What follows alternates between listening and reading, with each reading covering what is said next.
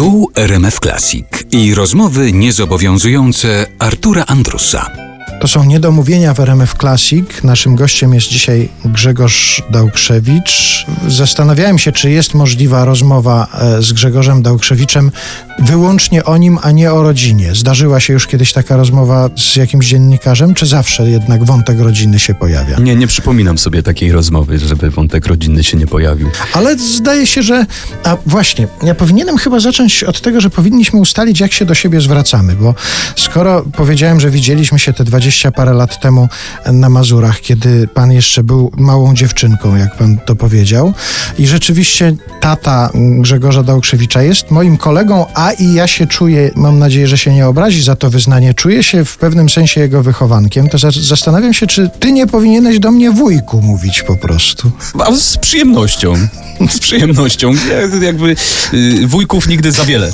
No to dobrze, no to tak ustalmy, że ja będę do ciebie mówił po imieniu, a ty do mnie mów wujku. Dobrze. Dobrze. I taką formę sobie będziemy tutaj ustalali. No więc dobrze, do tej rodziny, bo oczywiście to nie tylko tata, ale w przypadku aktora, kiedy się wymienia takie nazwisko jak Kreczmar, Jan Kreczmar, Jerzy Kreczmar, Justyna Kreczmarowa, no to każdy, kto zna historię polskiego teatru, od razu z, zaczyna się z szacunkiem do takich nazwisk odnosić. Kiedy ty sobie uświadomiłeś to, że to są tak wielkie tradycje rodzinne. O tym się w ogóle rozmawiało w domu, czy to była sprawa jednak gdzieś tam z boku i no, żyło się normalnym życiem, a ta wielka tradycja aktorska w tym domu tylko sporadycznie się pojawiała? Znaczy ta wielka tradycja aktorska cały czas y, gdzieś była obecna, bo ja co prawda nie miałem y, przyjemności poznać ani mojego dziadka, ani, ani wujka Jurka Kreczmara, natomiast babcia długo z nami siedziała, długo z nami była, więc y, bardzo często opowiadała zarówno o dziadku, jak i o Adasiu Kreczmarze.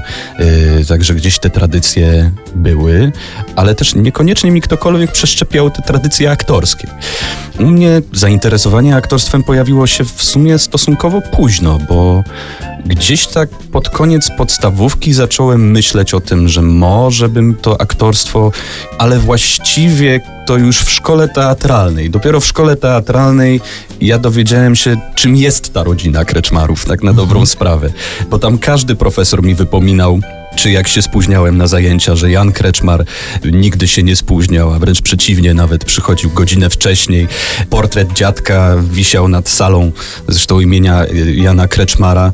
Ja chyba dopiero sobie wtedy zdałem sprawę, w, co ja się wpakowałem. No ale to, jak rozumiem, nie przeszkadzało w tej nauce. To, rozumiem, było traktowane z przymrużeniem oka, że jest wnuk rektora byłego, no ale przecież nie ma to specjalnie wpływu na to, jaki to jest wnuk i co robi i co Nie, ja, ja, ja przede wszystkim chciałem chciałem być aktorem, więc y, i do dziś mi to nie przeszkadza. Ja nie mam jakby takiego ogromnego pędu i poczucia zobowiązania, że, że muszę tutaj kogoś doścignąć, zwłaszcza, że uważam, że to są już jakby takie fundamenty, których prześcignąć się nie da.